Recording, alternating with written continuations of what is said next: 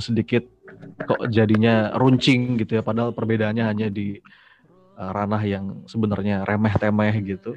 Allah. Kemudian rasa-rasanya hilang keberkahan dalam apa dimensi intelektual gitu ya. Ilmu-ilmu yang yang kayaknya nggak manfaat gitu. Atau ke, atau hilangnya keberkahan dalam dimensi emosional. Orang jadi susah bahagia, mudah stres, mudah cemas. Jadi mudah-mudahan ini jadi bahasan yang menarik ya Wan.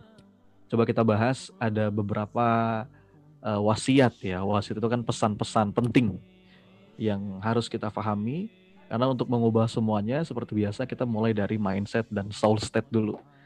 Empat uh, wasiat terkait dengan keberkahan yang mudah-mudahan bisa menjadi tapak kita untuk menapaki jalan menuju keberkahan. Insya Allah.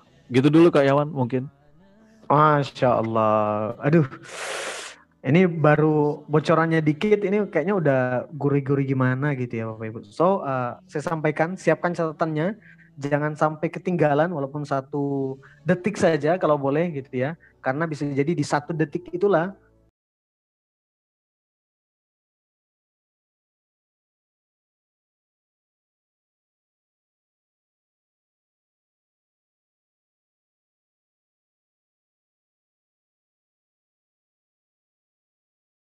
Pernahkah Anda memendam emosi? Saran uh, saya ah, jangan. Video Jika Anda punya emosi,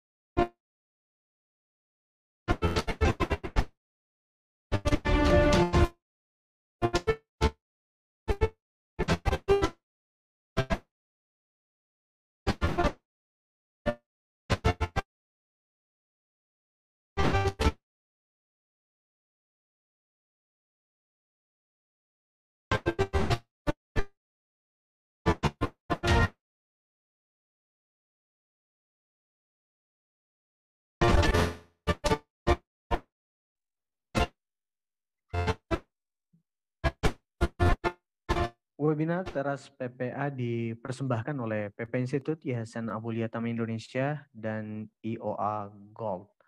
Baik Bapak Ibu, kita mulai seri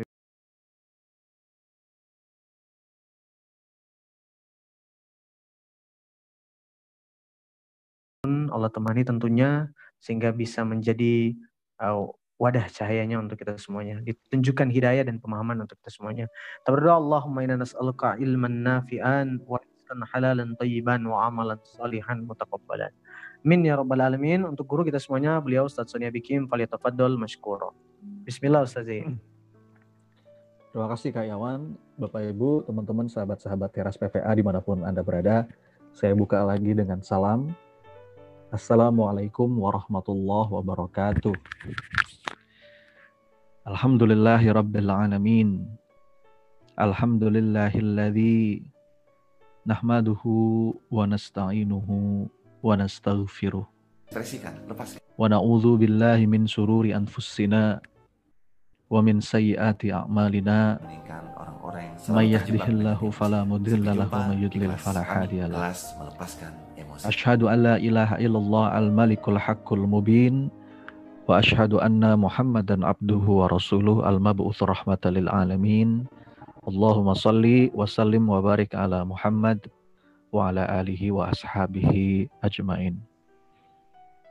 سبحانك لا علم لنا إلا ما علمتنا إنك أنت العليم الحكيم. رب اشرح لي صدري ويسر لي أمري واحلل عقدة من لساني يفقهوا قولي. Alhamdulillah teman-teman ada sekitar hampir 500 partisipan yang uh, bergabung di Zoom meeting malam hari ini, belum termasuk teman-teman di YouTube. Berbahagia sekali malam hari ini kita bisa bersilaturahim lagi melalui media online yang rutin kita selenggarakan setiap pekannya. Dan tema yang diangkat, yang coba saya angkat di sesi malam hari ini adalah tentang empat wasiat keberkahan. Di beberapa sesi sudah pernah saya share, ya. Mudah-mudahan uh, malam hari ini Allah izinkan kita dapat insight yang baru, dapat hikmah yang baru, dapat sesuatu yang baru dengan izin Allah, biiznillah insya Allah. Baik. Sekarang why gitu ya. Kenapa kok tema ini yang diangkat? Tadi Kak Yawan bertanya, kenapa tema tentang keberkahan ini menjadi satu hal yang menarik untuk kita bahas? Karena memang rasa-rasanya teman-teman Bapak Ibu sekalian, berkah itu menjadi satu hal yang kok kayaknya hilang gitu ya. Dalam hidup kita, dalam banyak aspek di kehidupan kita. Sekarang itu apa namanya kalau kalau uh, ada satu buku judul bukunya itu Success Intelligence itu ada salah seorang peneliti namanya Robert Holden itu bilang ada sebuah fenomena yang disebut dengan manic society. Apa itu manic society? Masyarakat modern zaman sekarang itu kayaknya segala sesuatunya serba terburu-buru, serba kepingin cepat, nggak nggak bisa menikmati proses gitu ya, impulsif, obsesif, dan kadang-kadang hasilnya nggak ada gitu ya. Nah ini salah satu indikator hilangnya keberkahan. Kadang-kadang nggak kerasa tuh hasil dari upaya kita. Ya, udah kerja keras kalau dalam dalam sisi finansial ya, udah kerja keras, berangkat gelap, pulang gelap gitu ya. Pergi dari rumah saat matahari belum kelihatan. Pulang ke rumah, matahari juga udah nggak kelihatan dan kalau di atas kertas yang masuk ke kantong juga kan lumayan gitu, nggak kecil-kecil amat lah gajiannya, mungkin uh, profit dari bisnis usaha yang kita jalankan. Tapi nggak tahu kenapa, kok kayaknya kurang terus, kurang terus. Ya nggak nggak pernah cukup, nggak pernah cukup. Seakan-akan tuh selalu ada sesuatu yang kita anggap sebagai kebutuhan setelah kebutuhan. Iya.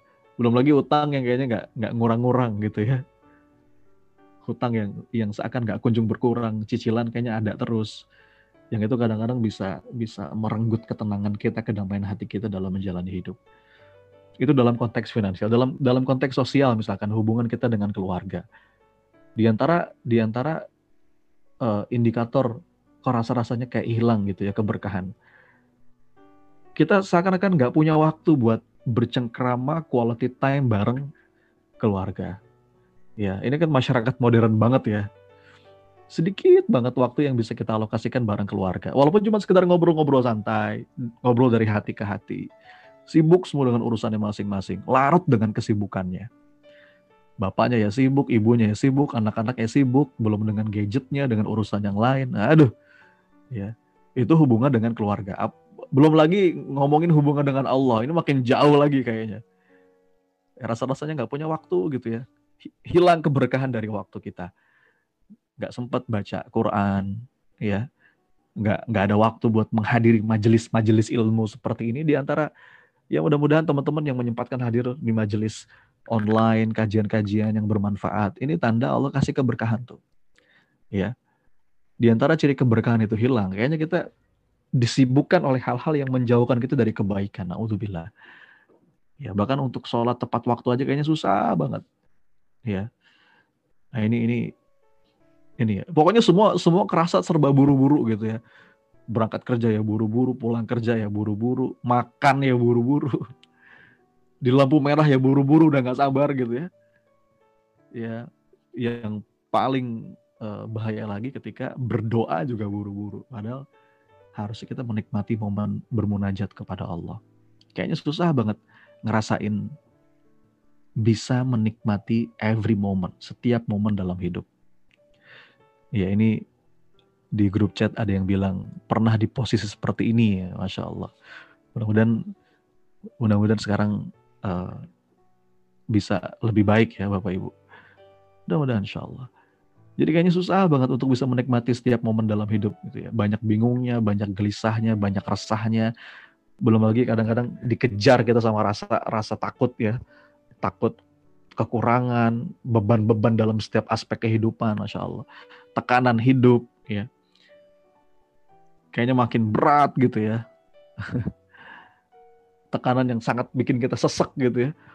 Dan ini tekanannya mulai dari mulai dari tekanan pekerjaan sampai tekanan dalam rumah ya harusnya kan di rumah itu keluarga itu yang harusnya jadi penyejuk hati kita, penyejuk mata kita, tapi ketika berkah itu hilang, malah keluarga itu jadi sumber masalah juga yang bikin kita resah, gelisah. Nauzubillah. So teman-teman yang dirahmati Allah, kita ya kenapa ini penting untuk kita bahas ya? Barangkali ada yang salah. Saya juga berkaca gitu ya. Kadang-kadang ngalamin gitu uh, kemarin tuh ada be ada beberapa momen yang kayaknya sibuk banget. Ya Allah, jangan-jangan ini salah satu tanda uh, waktunya kurang berkah. Gitu. Waktu tuh kurang gitu ya. Nggak sempat lagi main sama anak. Ya, nggak sempat lagi bercengkrama sepenuh hati dengan keluarga. Saya merenung jangan-jangan tanda-tanda hilang keberkahan waktu. Evaluasi gitu ya, apa yang salah nih, apa yang salah nih. Jadi menyadari bahwa berkah itu seakan-akan satu hal yang rasanya itu bisa hilang gitu ya. Berkah yang hilang mungkin dari negeri kita. Tandanya apa? Negeri yang harusnya makmur, sumber daya melimpah, tapi gagal memakmurkan rakyatnya. Ya kan? Itu dalam konteks negara yang besar. Kita kecilin lagi. Berkah yang hilang dari keluarga, apa indikatornya anak-anak yang tidak tumbuh sesuai dengan harapan orang tuanya. Ya. Berkah yang hilang dari perusahaan misalkan. Ya. Gimana ciri-ciri perusahaan kehilangan berkah? Ya mungkin uh, perusahaan yang seakan-akan nggak pernah puas sama karyawannya, begitu pula sebaliknya karyawan yang seakan-akan nggak pernah puas sama perusahaannya, gitu. Ya, jadi berkah itu ternyata bisa hilang gitu ya mereka-mereka yang kelihatannya berkecukupan, kelihatannya itu berlimpah, duitnya banyak gitu ya di atas kertas, tapi nggak ngerasa bahagia sekalipun di rumahnya. Ya, berkah hilang sampai-sampai banyak orang pinter, berapa banyak sarjana yang lulus setiap tahunnya, nggak kita nggak kekurangan nggak kekurangan orang pinter, insya Allah, kita nggak kekurangan orang cerdas, tapi nggak jadi solusi. Ya. Berkah yang hilang sampai-sampai seakan-akan uh, tatanan masyarakat gitu ya yang harusnya kuat karena banyak anak-anak muda sebagai informasi kan Indonesia sekarang masuk dalam tahap bonus demografi. Ini Kak Yawan nih, ilmunya Kak Yawan nih. Masyarakat Indonesia masuk ke dalam tahap bonus demografi di mana usia produktifnya lebih banyak daripada usia non produktif. Harusnya kan kita jadi bangsa yang kuat. Ya, tapi ketika berkah itu hilang, yang ada malah masyarakatnya kok lemah dalam banyak aspek kehidupan. Ada apa nih gitu? Ada apa? Nah makanya teman-teman yang dirahmati Allah berkah itu harus menjadi perhatian serius. Saya ulang, keberkahan harus jadi perhatian serius kita dalam hidup. Karena berkah inilah yang jadi penentu Penentu apa mas? Berkah ini yang jadi penentu apakah semua yang kita lakukan bernilai atau sia-sia. Semua pencapaian hebat kita selama hidup nih, orang bilang hebat gitu ya, orang bilang keren, itu kan ujung-ujungnya cuma jadi kenangan aja nanti. Cuma jadi kenangan kan? Oke, mungkin orang bilang hebat, mentok dikenang, tapi bernilai nggak buat akhirat? Ya. Makanya nanti di antara uh, poin penting untuk menjaga keberkahan adalah dia benerin niat, jaga hubungan sama Allah, dan lain sebagainya. So itu why ya, kenapa berkah itu penting untuk kita bahas teman-teman. Nah sekarang emang berkah itu apa sih mas? Sebelum saya masuk ke sini, ini pengertian berkah dari dari Imam Nawawi dalam syarah Sahih Muslim. Ya. Slide-nya kelihatan ya teman-teman ya? Alhamdulillah kelihatan, kelihatan ya? aman. Oke. Okay. Mantap. Jadi kata Imam Nawawi apa yang dimaksud berkah itu? Berkah itu ya nikmat, satu nikmat yang itu terus bertumbuh, terus berkembang, terus bertambah, meluas, dan datengin kebaikan yang nggak putus-putus kebaikan yang langgeng, kebaikan yang tetap melekat dan nggak hilang. Makanya kalau misalkan apa kita punya ilmu, ilmu yang berkah itu ilmu yang terus bertumbuh, ilmu yang berkembang, bertambah, meluas. Tapi bukan hanya sekedar bertumbuh dan berkembang, tapi dengan ilmu itu ngedatengin kebaikan yang ter, yang terputus, yang tidak terputus. Seterusnya bahkan sampai sekalipun dia udah wafat, ilmu itu tetap bermanfaat, tetap ngedatengin kebaikan bagi sebanyak mungkin orang. Ya Imam Nawawi kan udah ribuan tahun yang lalu wafat orangnya, tapi karya-karyanya sampai sekarang masih dijadikan rujukan, masih mencerahkan. Itu di antara ilmu karya yang berkah. Para ulama, Imam Ghazali, ya banyak sekali. Orangnya udah jauh ribuan tahun yang lalu udah nggak ada, tapi karyanya, ilmunya sampai sekarang masih kita rasakan manfaatnya. Jadi melekat dan nggak hilang. Makanya kata Imam Nawawi dalam kitabnya ini, berkah itu nikmat yang terus bertumbuh, berkembang, bertambah, meluas, yang mendatangkan kebaikan yang langgeng, tetap dan nggak hilang. Gitu ya. Saya, saya tadi buka kamus besar bahasa Indonesia. Kalau kalau di KBBI itu ada juga kalimat berkah. Kalau KBBI itu mengartikan berkah itu adalah karunia Tuhan, katanya karunia Allah yang mendatangkan kebaikan bagi kehidupan manusia. Jadi sesuatu sesuatu, sesuatu itu dikatakan berkah kalau ngefek buat apa namanya umat manusia gitu ya. Jadi nggak peduli sebanyak apa pun, setinggi apa pun karya kita, uang kita, posisi kita, jabatan kita, kalau itu nggak punya manfaat bagi kehidupan manusia, maka itu nggak masuk tuh dalam kategori berkah. Ya. Kira-kira gitu. Makanya umur yang berkah, coba saya mau minta respon di kolom chat. Umur yang berkah itu ukurannya apa, teman-teman? Apa ukuran usia seseorang itu berkah? Nggak apa-apa ya teman-teman kalau mau apa kalau mau respon di kolom chat nggak apa-apa justru biar ada interaksi jadi saya nggak kayak ngomong sendiri oke umur yang banyak kebaikan umur yang bermanfaat makin sabar, makin bijaksana. Terima kasih. Jadi ini dia, umur yang berkah itu bukan tentang muda atau tua. Ya kan? Nggak ada urusan tuh muda sama tua. Makanya, jadi umur yang berkah itu ditunjukkan dengan seberapa besar kebaikan yang bisa dihadirkan dalam rentang masa hidupnya. Ada orang-orang seperti para ulama gitu ya. Beberapa ulama itu kan hidupnya nggak lama. Ada yang usianya masih muda itu Allah takdirkan meninggal. Tapi usia karyanya, usia ilmunya itu langgeng. Nah, itu ciri-ciri umur yang berkah. Umur yang berkah. Nah, sekarang uang. Tadi umur, sekarang uang. Uang yang berkah itu berarti gimana? Uang yang berkah jelas berarti bukan tentang jumlah, ya kan?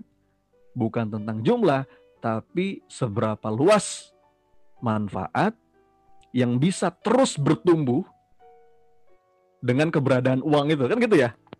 Yang dipakai di jalan Allah yang disedekahkan macam-macam makanya ada orang-orang yang kayaknya uangnya lebih banyak tapi kalah berkahnya kalah berkahnya sama orang-orang yang mungkin kalau di atas kertas uangnya lebih sedikit. Karena ukuran berkah itu bukan di jumlah. Nanti kita akan bahas lebih dalam ya. Termasuk hidup yang berkah hidup yang berkah itu juga juga bukan tentang seberapa banyak uh, apa misalkan pencapaiannya, tapi seberapa mampu pencapaian itu bermanfaat buat orang dan seberapa dan dan apakah karya itu bisa nganterin dia ke jannah gitu ya. Jadi buat saya teman-teman yang dirahmati Allah berkah itu the ultimate achievement. Buat saya berkah itu puncak pencapaian satu hal yang harus kita inginkan. Jadi kepengen berkah. Cita-citanya apa sih dalam hidup ini kepengen berkah. Lebih dari sekedar sukses, lebih dari sekedar bahagia. Ya, biasanya kan keinginan orang itu kan pengen sukses, pengen bahagia. Berkah tuh beyond, harus jadi frame semuanya, yang yang membingkai semuanya. Ya, jadi nikmat yang tetap, nikmat yang melekat, nikmat yang gak hilang. Di dunia kerasa, di akhirat juga kerasa. Nah, itu tuh ciri yang ciri apa namanya uh, sukses sejati ya, yang terbingkai dengan dengan keberkahan. Ada orang-orang yang mungkin ketika di dunia terasa terasa kontribusinya, tapi ternyata niatnya salah, begitu di akhirat nggak dinilai sama Allah, nggak kerasa. Ya, cuman sampai di dunia aja. Makanya berkah itu uh, tetap melekat tadi ya, bertumbuh, bertambah, meluas, gitu. Di dunia kerasa, di akhirat kerasa. So teman-teman dirahmati Allah. Jadi nggak bisa kita sebut sebagai sebuah keberkahan kalau satu nikmat itu bersifat sementara. Ya. Meskipun orang-orang bilang, wah ini hebat, sukses, pencapaiannya luar biasa, itu nggak sempurna disebut sebagai sebuah keberkahan kalau nanti nggak tersisa nilainya untuk akhirat kelak. Nauzubillah. Makanya jangan cuma kejar keren, jangan cuma kejar banyak, kejar juga berkah. Ya. Bagaimana cara kejar berkah Mas? Ya kita jaga betul-betul hubungan kita, ketaatan kita kepada Allah sebagai seorang hamba dan menjadikan akhirat sebagai tujuan, dunia ini sebagai jembatan. Gimana gimana? Enak kalimatnya tuh ya. Menjadikan akhirat sebagai tujuan dan dunia ini sebagai jembatan. Ya. Uh, sebagai ladang. So, itu teman-teman dari Allah. Jadi berkah itu sesuatu pokoknya yang bikin nambah ketaatan kita sama Allah. Ini definisi dari salah seorang ulama juga. Ya, berkah itu sesuatu yang bikin kita nambah ketaat, ketaatannya kepada Allah. Al barokah tuzidukum fi to'ah. Sesuatu yang sesuatu yang bikin kita nambah. Coba dengan ilmu kita, dengan harta kita, dengan pencapaian kita, dengan apa pun yang kita punya, nambah nggak ya ketaatan kita, kemesraan kita sama Allah? Nah itu salah satu ukuran indikator keberkahan tuh. Jadi teman-teman mati Allah, setiap kita pasti punya target dalam hidup. Setiap kita pasti punya uh, goal, punya mimpi, apa yang mau kita kejar, apa yang mau kita cari. Apa pun itu, apa pun itu, selama itu positif ya silahkan, monggo. Tapi jangan lupa pastikan ada satu yang membingkai itu semua yaitu keberkahan. Karena apa pun yang kita raih, semuanya jadi nggak ada artinya kalau nggak terbingkai berkah. Gitu ya teman-teman. Al barakah tuzidukum fi ta'ah. Jadi berkah itu ketaatan kepada Allah dalam setiap kondisi. Kalau ngomongin umur tadi, bukan tentang panjang atau pendeknya usia, tapi seberapa mampu seseorang itu mengoptimalkan usia yang Allah kasih. Ya. Tentang rezeki tadi, bukan tentang banyak atau sedikitnya, tapi seberapa mampu seseorang itu bersabar ketika episodenya sedikit, bersyukur ketika sedang ditakdirkan dibuka rezeki yang berlimpah dan bisa dimanfaatkan sebesar-besarnya di jalan kebaikan. Ya, ilmu yang berkah bukan tentang seberapa banyak teori yang kita punya, teori yang kita miliki, tapi seberapa mampu kita mengamalkan ilmu itu dan seberapa mampu kita membagi itu seluas-luasnya. Udah nangkep lah ya rasanya ya. Jadi al barakah tuzidukum fitoah berkah itu yang menambah ketaatanmu kepada Allah. Sekarang pertanyaan saya begini. Sehat, sakit, mana yang berkah?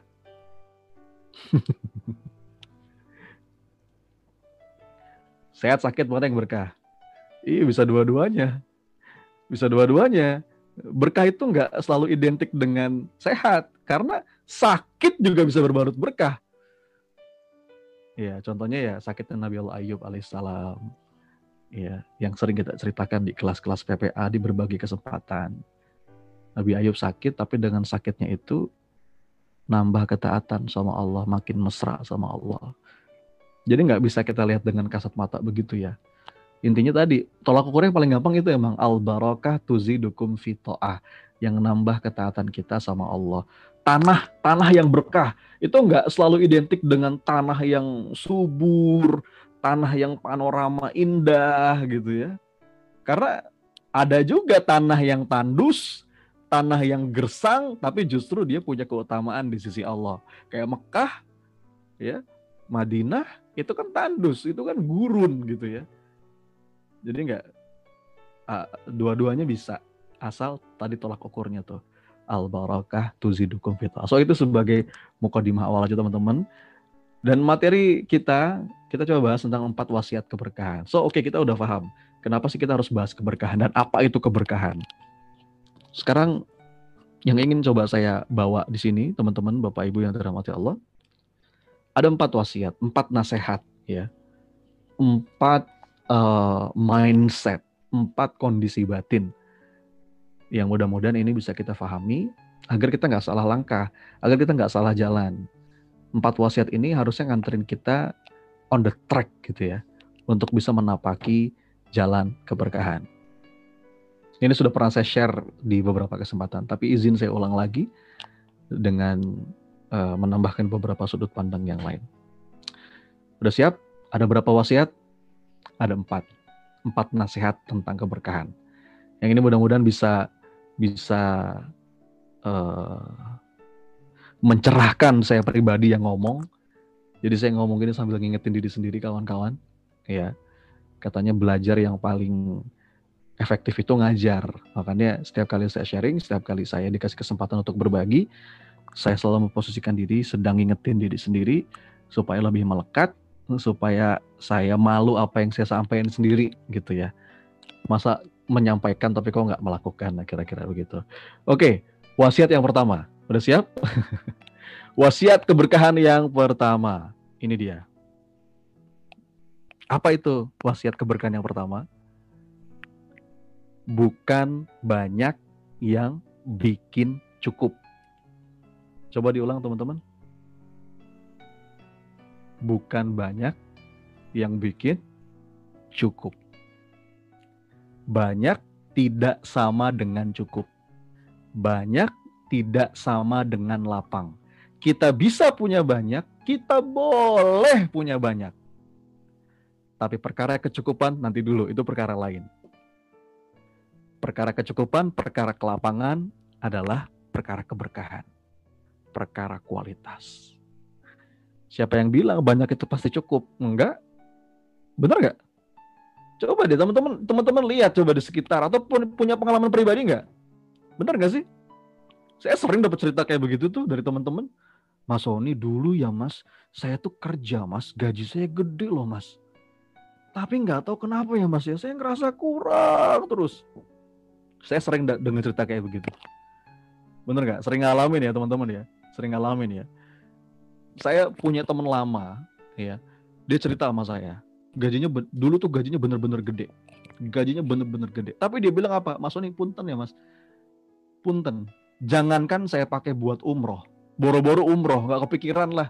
Umroh haji itu nggak kepikiran. Padahal kalau dibilang mampu mampu saat itu. Jangankan ngomongin umroh mas ngomongin haji. Punten ya mas?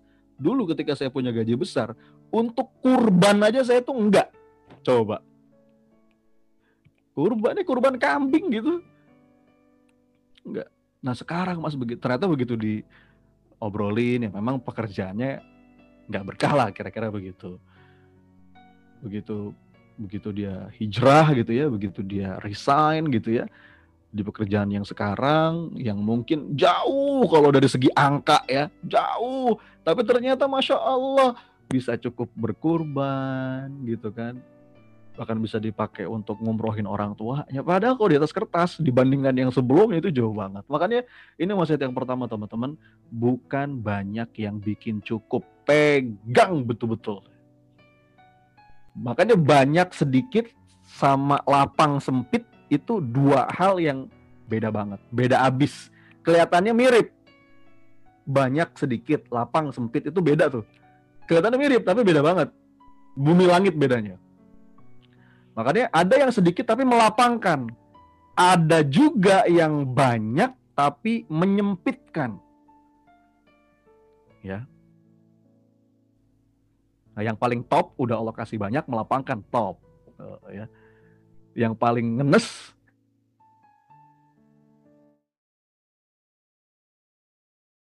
udah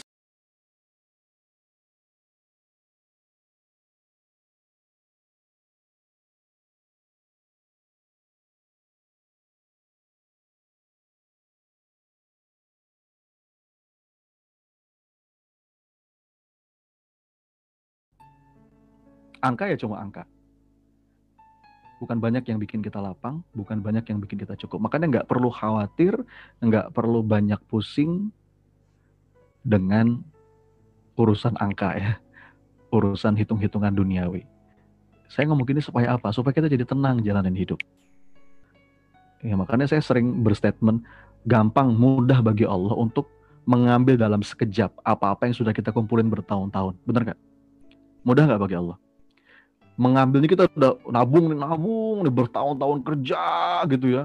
Banting tulang sampai terkumpul ratusan juta bahkan miliaran. Tapi itu mudah bagi Allah untuk ngambil dalam sekejap semua itu. Zep bener nggak? Caranya banyak kalau bikin sakit harus keluar semua buat biaya rumah sakit. Begitu pula sebaliknya begitu pula sebaliknya. Mudah bagi Allah memberi dalam sekejap apa-apa yang nggak kebayang bisa kita kumpulin bertahun-tahun. Bener nggak Makanya relax. Makanya relax.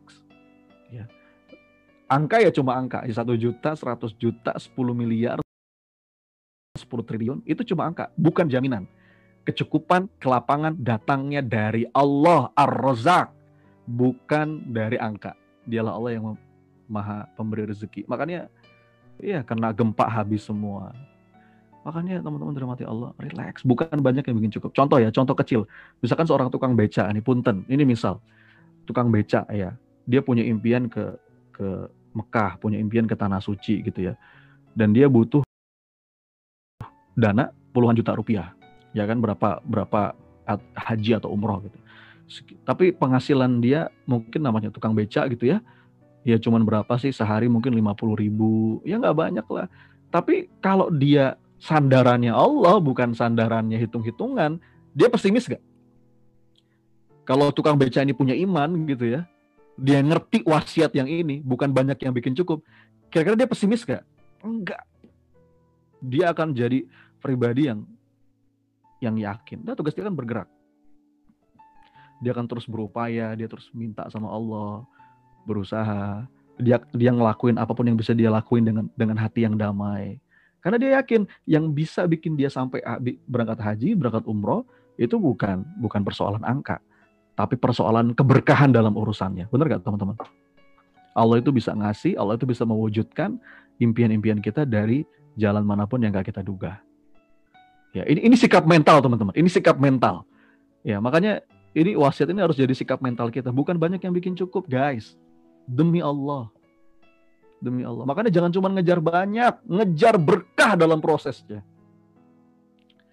Jangan cuma ngejar banyak, tapi yang kita kejar berkah dalam prosesnya. Jangan merasa aman dengan apa yang kita miliki. Jangan juga merasa kecil dengan apa-apa yang sudah kita miliki. Jadi saya ulang ya. Jangan merasa aman kalau kita udah punya banyak. Dan juga jangan merasa kecil kalau kita masih punya sedikit. Karena bukan urusan itu. Ya, Allah itu punya punya banyak jalan untuk nganterin rezeki. Termasuk Allah juga punya jalan untuk nutup rezeki. Ya. Banyak yang kita punya itu itu kalau kalau berkahnya kalau berkahnya hilang bahkan bisa jadi sumber kemelut hidup nggak? Bisa jadi sumber susah. Ya. Jadi yang kita kejar itu berkah, jaga jaga kemesraan kita sama Allah dalam prosesnya, gitu ya, melibatkan Allah dalam setiap langkahnya, ya, dan kita bawa dalam sujud setiap harapan, setiap kesedihan kita. Pastikan halal dari hulu ke hilir, ya, bener caranya, dan kalau bisa berdampak maslahat bagi sebanyak mungkin orang. Makanya di slide berikutnya saya nulis begini. Teman-teman Bapak Ibu yang dirahmati Allah, tentramkanlah hati, untuk urusan banyak atau sedikit. Udahlah, pokoknya sibukkan saja diri kita untuk memastikan bahwa semua yang kita lakuin jadi amal soleh. Ya, semua yang kita lakuin jadi amal soleh. Dari situlah hadirnya sentuhan berkah. Dari situ hadirnya sentuhan berkah. Gitu ya teman-teman. Mohon maaf saya izin minum dulu ya.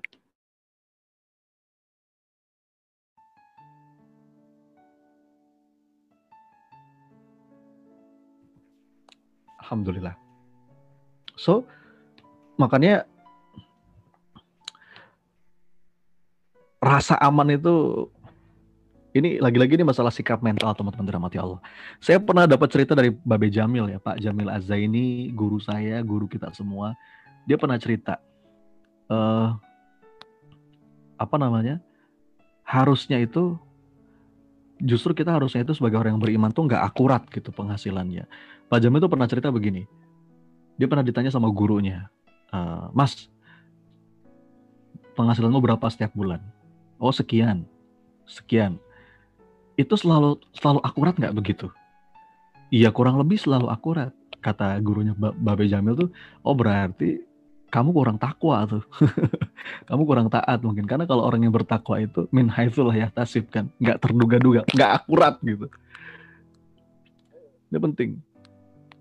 Makanya salah seorang guru saya pernah menasihati, pokoknya gini, seberapa pun besarnya angka penghasilan yang kita punya, tapi kalau Allah nggak mencukupi, maka nggak akan pernah cukup. Sebaliknya, seberapa pun mungkin minimnya penghasilan kita dalam ukuran manusia, tapi kalau Allah mencukupi, semuanya pasti cukup. Gitu ya. Sekali lagi, jadi bukan tentang banyak atau sedikit, bukan tentang, tapi ini tentang lapang atau sempit. Tentang kebermanfaatan atau kesia-siaan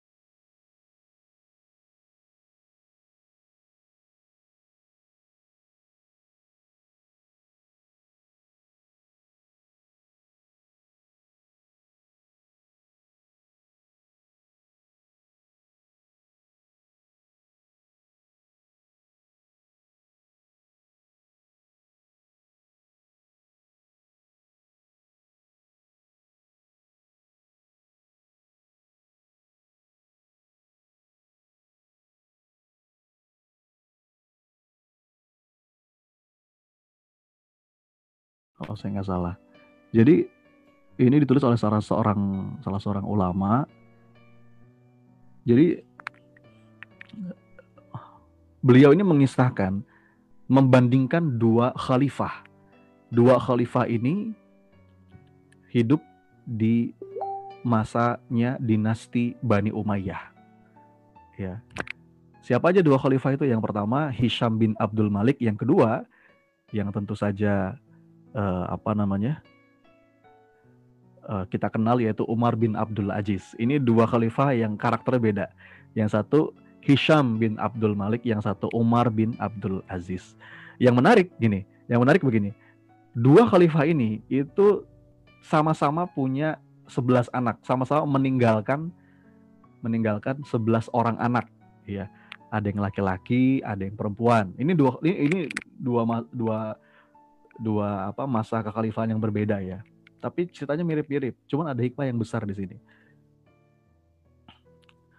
Dua khalifah yang punya anak sama-sama 11. Tapi bedanya Hisham bin Malik, Hisham bin Malik itu meninggalkan warisan untuk anaknya. Tahu nggak jumlahnya berapa? Itu dalam buku itu ditulis kira-kira satu juta dinar. Uh, satu juta dinar tuh berapa tuh? Ya, kebayang nggak teman-teman? Satu dinar aja berapa sih? Satu dinar aja kan sekarang 4 gram apa 4 sekian gram emas ya. Ya emas 4,25 gram satu dinar. Sekarang satu gram emas itu berapa? ya udah hampir sejutaan kan kurang lebih. Ini ada teman-teman dari Ewa Gold di sini. Ada Kang Mei nih. Berapa Kang Mei? Satu coba tolong dihitung. Satu juta dinar tuh berarti berapa rupiah? Satu juta dinar, bayangin. Satu dinarnya aja 4,25 gram. Ini satu juta dinar. Ini ada, ada satu kitab yang yang nulis Khalifah Hisham bin Abdul Malik itu ninggalin warisan untuk anak-anaknya itu satu juta dinar. Masya Allah, masya Allah. Di satu sisi, Khalifah Umar bin Abdul Aziz, ya, itu ketika dia wafat, dia cuma ninggalin jatah untuk anak laki-lakinya hanya setengah dinar. Coba, ini nggak nyambung nih. Yang satu ninggalin satu juta dinar, yang satu cuma setengah dinar. Setengah dinar, setengah dinar itu berarti berapa? Dua gram emas. Dua jutaan lah ya. Yang satu miliaran. Ya, tapi terekam dalam sejarah di di kitab ini ditulis terekam dalam sejarah bahwa uh, peninggalan melimpah dari dari Khalifah Hisham bin Abdul Malik itu untuk anak-anaknya ternyata nggak nggak membawa kebaikan, nggak berkah kira-kira begitu. Jadi justru yang, yang ditinggalin warisan sedemikian melimpah itu anak-anak Hisham itu malah sepeninggal sepeninggalnya itu hidup dalam keadaan miskin, dalam keadaan susah. Padahal warisannya banyak. Sebaliknya anak-anak Omar bin Abdul Aziz yang cuman ketika dia wafat cuma ditinggalin warisan setengah dinar tadi itu hidup dalam keadaan cukup dalam keadaan kaya. Bahkan di antara mereka itu ada yang sampai nyumbang visabilillah itu menyiapkan kuda 100 ribu pasukan penunggang kuda.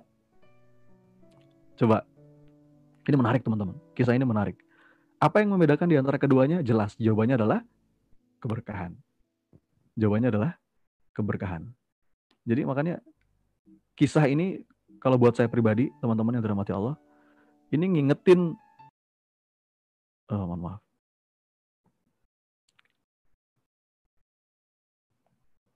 Suara saya masih ada?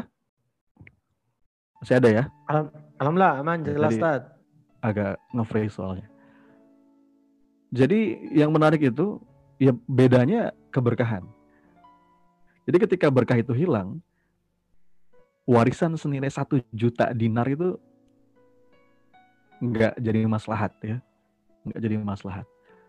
Bahkan ketika ketika Umar bin Abdul Aziz mau wafat yang cuma ninggalin warisan warisan uh, setengah dinar itu sampai ada orang dekatnya Umar bin Abdul Aziz itu sampai ngomong, wahai Amirul Mukminin, kamu ini sudah mengosongkan mulut anak-anakmu dari harta. Seandainya kamu ngasih wasiat kepadaku, kan dia sampai khawatir gitu. Udah anak-anak titipin saya aja. Ya, saya akan cukupi. Nah, ketika Umar bin Abdul Aziz ngomong kayak begini, apa kata kata Umar bin Abdul Aziz? Saya dengar tadi apa yang kamu sampaikan. kamu bilang aku sudah mengosongkan mulut anak-anakku ya dari harta. Dia bilang apa demi Allah, saya nggak akan zolim, saya nggak akan menzolimi hak mereka. Tapi aku juga nggak akan ngasih apa-apa yang bukan hak mereka. Makanya yang terkenal di antara wasiat dari Umar bin Abdul Aziz, anakku kemungkinan akan menjadi salah satu di antara dua jenis. Yang pertama soleh atau nggak soleh. Ya kalau mereka soleh, insya Allah Allah akan mencukupinya. Tapi kalau mereka nggak soleh, maka aku nggak mau jadi orang pertama yang membantu mereka dengan harta mereka dalam kemaksiatan. Makanya kesimpulannya apa? Kesimpulannya teman-teman dirahmati Allah, kembali ke wasiat yang pertama, bukan banyak yang bikin cukup. Kita bisa punya banyak, kita boleh punya banyak, tapi perkara kecukupan itu perkara keberkahan. Ya, nggak apa-apa. Kita perlu mungkin nyiapin jaminan buat masa depan anak, macam-macam sebagai ikhtiar kita ya pastikan nggak diragukan kehalalannya tapi jangan sampai itu menggeser sandaran hati kita dari Allah yang maha tahu apa ya, apa yang akan terjadi di depan. Jaminan yang paling berharga adalah kesalehan kita sebagai orang tua dan kesolehan anak-anak kita. Karena kalau udah soleh, udah dekat sama Allah, maka mudah-mudahan semuanya diurusin sama Allah. Ya. Jadi bukan persoalan angka teman-teman, bahkan ada yang namanya ilusi angka. Istidraj itu kan ilusi angka. Teman-teman tahu istidraj ya? Apa sih istidraj? Ketika Allah buka semua keberlimpahan, ketika Allah kasih banyak, tapi dengan banyak itu malah membuat dia terlena dalam dalam kemaksiatan. Nah, itu ilusi angka. Itu ilusi angka. Makanya eh, nggak uh, perlu ini ya, nggak perlu ada rasa iri, jangan sampai ada terbersit rasa iri di hati apalagi keluh kesah dengan kondisi kita. Ketika ngelihat ada memang beberapa orang yang Allah buka rezekinya. Iya. Tapi apa? Membuat kita seakan-akan kehilangan syukur. Membuat kita seakan-akan kehilangan syukur. Padahal belum tentu ketika dibuka rezeki itu jadi kebaikan teman dirahmati Allah. Dan ya rezeki itu tentang rasa. Sering saya sampaikan rezeki itu tentang tentang rasa. Ya jadi betapa banyak di antara kita yang mungkin gajinya ratusan juta setiap bulan tapi sebenarnya rezekinya nggak sebanyak itu. Ya orang gaji ratusan juta tapi nggak bisa nggak bisa minum manis karena diabetes gitu kan nggak bisa menikmati makanan yang gurih karena kolesterol nggak bisa makan asin karena apa hipertensi gitu kan jadi Allah bisa apa secara angka itu besar tapi boleh jadi rezekinya terbatas. Rumah yang mewah bisa kita beli, kasur yang empuk bisa kita beli, tapi tidur yang nyenyak itu rezeki. Itu rezeki. Iya. Makanan yang mahal bisa kita beli. Iya. Saya pernah juga itu ditraktir sama temen makan di sebuah restoran yang menurut saya sih itu mahal banget ya. Menurut saya mahal banget. Tapi begitu saya cobain, kok rasanya gini aja ya. Jadi makanan yang mahal itu bisa kita beli, tapi kadang-kadang nikmatnya makan, lezatnya makan itu rezeki. Ya, rumah yang megah bisa kita beli, tapi ketenangan, keindahan, kedamaian di dalamnya, itulah rezeki. Gitu ya teman-teman. Makanya kata Rasulullah, rezeki itu sebenarnya apa yang kita makan, apa yang kita pakai, apa yang kita sedekahkan. Yang kita makan ujungnya jadi kotoran, yang kita pakai ujungnya jadi usang, dan apa yang kita sedekahkan itulah yang kekal. Ya, itulah yang kekal. Gitu, itu yang pertama. Saya langsung lanjut, udah hampir jam 9. Wasiat yang kedua, apa yang kedua? Ini dia. Tadi yang pertama apa teman-teman? Yang pertama bukan banyak yang bikin cukup. Sudah kita bahas ya. Nah yang kedua, bukan kuat yang bikin kita menang. Bukan karena kita hebat, bukan karena kita kuat, bukan karena kita mampu, yang bikin kita bisa menang, yang bikin kita bisa keluar dari beragam persoalan hidup. Ya. Hati-hati. Kalau kita nggak memahami betul hakikat ini Naudzubillah ya. bisa masuk dalam kategori sombong gitu ya. Makanya kata para ulama itu masalah yang Allah hadirkan dalam hidup, kesulitan yang Allah hadirkan dalam hidup itu sebenarnya bukan untuk menguji kemampuan kita. Tapi untuk apa? Untuk bikin kita mau ngaku bahwa kita ini lemah di hadapan Allah. Untuk bikin kita mau nyerah sama Allah. Untuk bikin kita akhirnya melibatkan Allah dalam dalam setiap langkah dalam proses penyelesaian problematika kehidupan. Karena emang bukan karena kita kuat kita bisa menang. Ya. Bahkan kekuatan kita, kemampuan kita, kehebatan kita, keahlian kita, orang bilang kita jago, orang bilang kita pinter, tapi kalau itu semua bikin kita lupa bikin kita melupakan status kita sebagai seorang hamba, yang akhirnya bikin kita sombong, ujungnya hancur. Ujungnya kalah, ujungnya susah, ujungnya menderita. Ya. Kayaknya banyak ya kisah-kisah kisah-kisah ibroh gitu ya di sekitar kita yang mereka yang kelihatannya kuat, kelihatannya hebat, tapi ujungnya harus hancur karena arogansi, karena kesombongan, karena dia kehilangan kesadarannya bahwa dia ini adalah seorang hamba. Itu teman sekali. Makanya kalau kita sadar sadar betul dengan wasiat yang kedua ini, itu bikin kita humble, bikin kita tawadu. Ya. Di saat kita berdaya, kita humble. Tapi di saat kita nggak punya daya, kita tetap confidence. Ini menariknya. Di saat berdaya kita humble, tapi di saat kita nggak punya daya, kita tetap confidence. Kenapa? Yo, la haula wala quwata illa billah kok gitu kan. Jadi nggak merasa lemah sekalipun dalam kondisi lemah, ya. Tapi juga nggak merasa jumawa ketika dalam keadaan berdaya gitu ya. Dalam keadaan berdaya. Bikin kita lupa diri dan lain sebagainya. Makanya selesaikan masalah hidup kita itu bukan hanya dengan kekuatan kita, tapi juga dengan ketaatan kita. Nggak ada guna nggak ada guna semua kekuatan dirimu saat Allah nggak mau menolongmu. Wah, ini kalimatnya enak banget nih. Saya ulang teman-teman ya. Nggak ada guna kekuatan dirimu saat apa? Saat Allah nggak mau menolongmu. Ini buat status Facebook bagus nih ya. Tapi ini kalimat dalam banget dalam banget gitu ya makanya apalagi di saat krisis begini ya di saat krisis seperti ini di saat pandemik ini udahlah udah saatnya kita nyerah di hadapan Allah ya bukan merasa lemah. Kalau merasa lemah di hadapan Allah. Tapi setelah itu akhirnya malah bikin kita jadi confidence. Karena sandaran kita bukan ke, bukan bertumpu pada kemampuan diri. Tumpuan kita adalah kemahakuasaannya Allah. Kemahakuasaannya Allah. Saya ke, saya apa? Uh, di Facebook beberapa waktu yang lalu sempat menulis mohon maaf teman-teman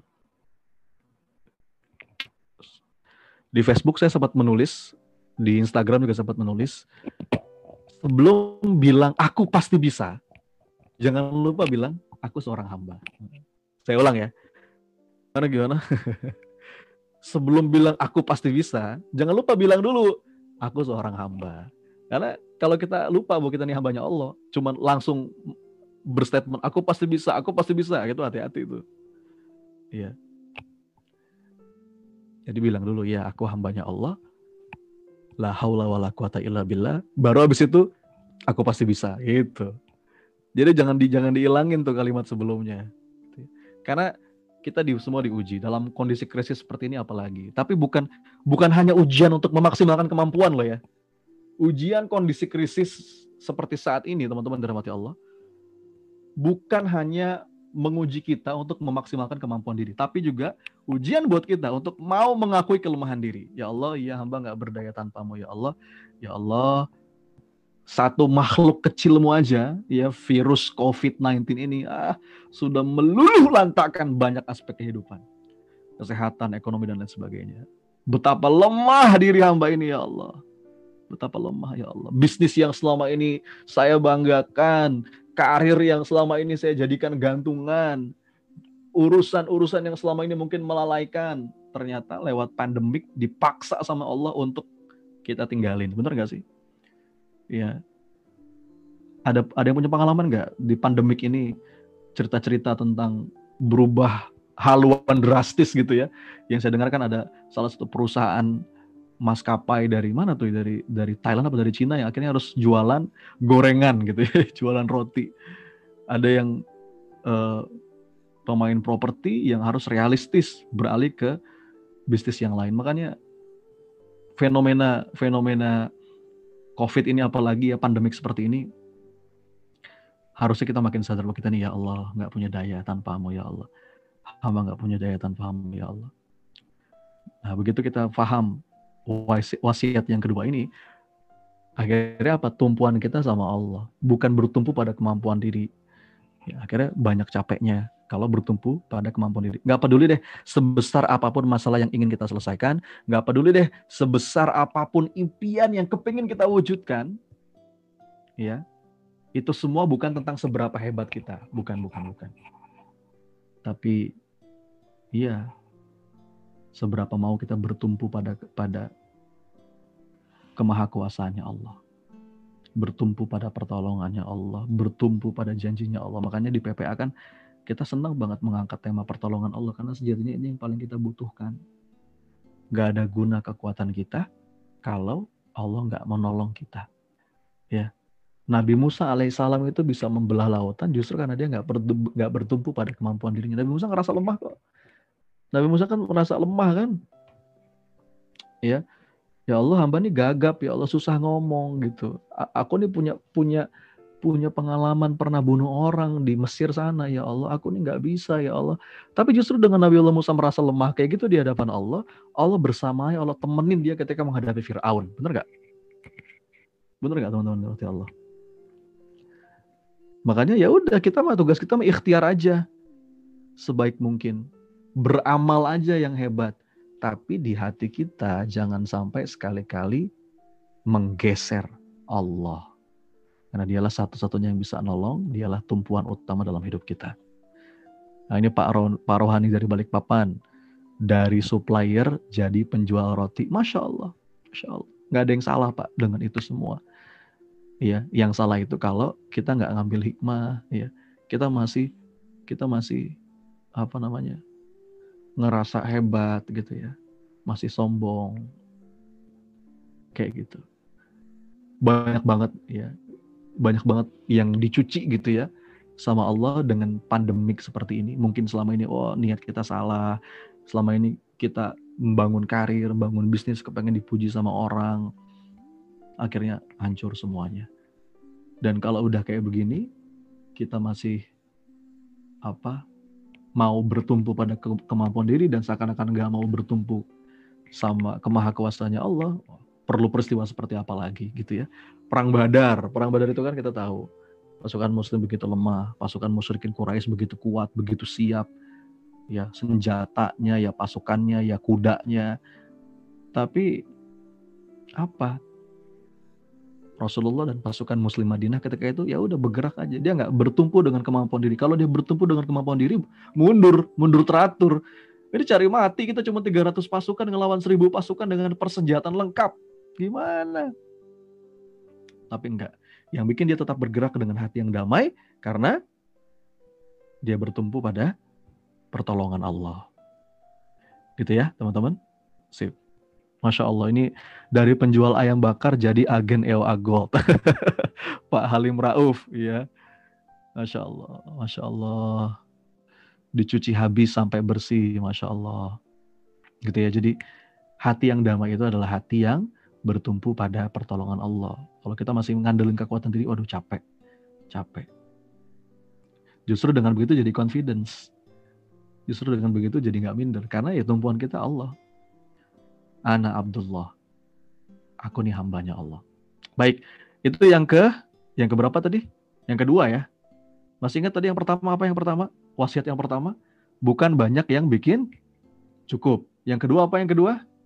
Bukan kuat, bukan hebat, bukan mampu yang bikin kita bisa menang. Ya. Nah, yang ketiga, apa yang ketiga? Nah, ini yang ketiga. Bukan pintar, bukan kepandaian yang bikin yang bisa menghadirkan solusi. Enggak, bukan semata-mata akal kita yang bisa beresin masalah, tapi lagi-lagi balik lagi. Enggak ada enggak ada artinya ilmu yang kita punya kalau Allah nggak nolong kita. Kalau Allah nggak nolong kita. Ini wasiat yang ketiga. Ya, kan sering sering ya kita bahkan Ya ini kalau misalkan kita merasa karena ilmu yang ada pada kita ini bisa selesai, berarti kita sama kayak korun tuh. Sama kayak korun kan. Korun kan begitu. Ketika diingetin sama Nabi Musa gitu kan. Uh, apa kata korun? Inama tuhu ala ilmin indih. Loh, aku nih bisa kayak begini itu karena kepintaran yang ada padaku kata korun. Karena aku emang hebat, karena aku emang punya ilmu. Itu kata korun tuh. Akhirnya Allah benamkan kan. Iya. Beda dengan Nabi Sulaiman alaihissalam dikasih kekayaan. Apa kata Nabi Sulaiman? Hadza min fadli Rabbi. Ini semua rahmatnya Allah. Rahmatnya Allah. Gitu ya teman-teman. Jadi bukan karena kita pintar. Makanya ada ada satu doa yang saya suka banget. Ini saya kemarin diingetin sama diingetin sama uh, Ustadz Fajri itu ketika di kajian terakhir kemarin membahas tentang sholat. Saya saya agak tertegun sejenak, merenung sejenak ketika uh, apa Ustadz Fajri me, membuka slide yang doanya ini. Ini doa menurut saya dalam banget, dalam banget. Doa dari Rasulullah. Apa Rasulullah mencontohkan kita sebuah doa, Allahumma inni a'udzubika min ilmin la yanfa' wa min qalbin la yakhsha wa min nafsin la tasba. Wa min amalin la yurfa. Wa min du'ain la yusma. Apa artinya ya Allah? Aku berlindung kepadamu dari ilmu yang bermanfaat yang tidak bermanfaat. Itu artinya apa? Memang ada ilmu-ilmu yang bermanfaat kan? Ya. Nyari ilmu hanya untuk berbangga nggak benar-benar berupaya untuk mengamalkan. Ya. Dengan ilmu itu dia merasa hebat itu berarti ilmu yang nggak bermanfaat dan berlindung kepadamu ya Allah dari hati yang gak khusyuk, hati yang gak tenang, hati yang gak damai, penuh dengan kegelisahan. Dan hamba berlindung kepadamu ya Allah dari jiwa yang gak pernah puas. Nah ini ini gejala putus rasa tuh ini. Ilmu yang gak bermanfaat, hati yang gak khusyuk, jiwa yang gak pernah puas, dan amal yang gak diterima. Dan terakhir, kita berlindung kepada Allah dari doa yang gak didengar, doa yang gak dikabulkan banyak faktornya. Mungkin yang haram-haram masuk ke dalam tubuh kita gitu ya. Mungkin doanya nggak pakai rasa, nggak merasa hina, nggak merasa butuh, doa cuma sekedar formalitas. Ya. Makanya kata Rasulullah kan Allah tidak mengabulkan doa dari hamba yang hatinya lalai. Ini doa dalam banget. Saya seneng banget. Saya sekarang lagi ngedawamin doa ini nih setiap pagi, setiap petang. Iya. Kalau selama ini kan kita minta begini Allahumma inni as'aluka ilman nafi'an wa rizqan thayyiban wa qalban khasyian wa amalan mutaqabbala gitu ya. Kita minta ya Allah ilmu yang bermanfaat, minta hati yang khusyuk, minta rezeki yang baik, yang berkah dan minta amalan yang engkau terima. Ternyata doa kebalikannya ada. Yaitu minta perlindungan. Allahumma inni a'udzubika min ilmin la yanfa wa min qalbin la yakhsha wa min nafsin la tasma' Wa min amalin la yurfa wa min du'ain la yusma. Ya Allah, aku berlindung dari ilmu-ilmu yang gak bermanfaat. Aku berlindung dari hati yang gak khusyuk. Aku berlindung ya Allah dari jiwa yang gak pernah merasa puas. Terus terjebak dalam keinginan-keinginan. Ya, apalagi amal-amalan yang gak diterima karena amal-amal yang mungkin niatnya salah, yang cuma ngejar perhatian manusia dan juga dari doa yang gak didengar doa yang betul-betul nggak sungguh-sungguh menghadirkan rasa. Jadi ada loh ilmu-ilmu yang nggak bermanfaat, malah dengan ilmu itu kita malah termasuk dalam apa naudzubillah kelompoknya korun tadi Iya. Iya, bismillah ini doa bagus nih, kita hafalin. Dibaca jadi tambahan zikir pagi petang kita. Gitu ya, teman-teman. Makanya kata Imam Ghazali kalau ngomongin ilmu, kepintaran, kepandaian gitu ya. Saya jadi ingat kalimat Imam Ghazali. Apa kata Imam Ghazali? Semua manusia itu celaka kecuali yang berilmu. Tapi semua yang berilmu ini pun celaka kecuali mereka yang mengamalkan ilmunya. Dan semua yang beramal ini pun celaka kecuali mereka yang ikhlas. Dan orang-orang yang ikhlas pun selalu dibayangi dengan bahaya yang besar. Kadang-kadang bisa belok niatnya. Kadang-kadang bukan nyari Allah tapi nyari pujian, nyari perhatian dari makhluk, nyari followers, nyari nyari subscriber. Ya. Gitu. Makanya teman-teman dirahmati Allah, untuk bisa punya ilmu yang bermanfaat itu betul-betul kita kita butuh ditolong sama Allah gitu ya. kan kadang-kadang kita kalau ngomongin kalau ngomongin apa uh, pertolongan Allah itu seakan-akan kita punya masalah terus Allah tolong ya apaan nih Allah tolong uh, terus selesai masalah kita kadang-kadang kita minta tolong sama Allah itu dalam hal-hal masalah-masalah aja gitu ya. Artinya punya utang nih ya Allah, tolong ya Rob, tolong. Kita lagi kesusahan ya Allah, tolong hamba ya Allah. Tapi jangan lupa, kita juga butuh pertolongan Allah agar ilmu yang kita punya ini betul-betul bisa kita manfaatkan gitu. Bisa kita manfaatkan. Ya, Masya Allah. Itu teman-teman. Putus-putuskah?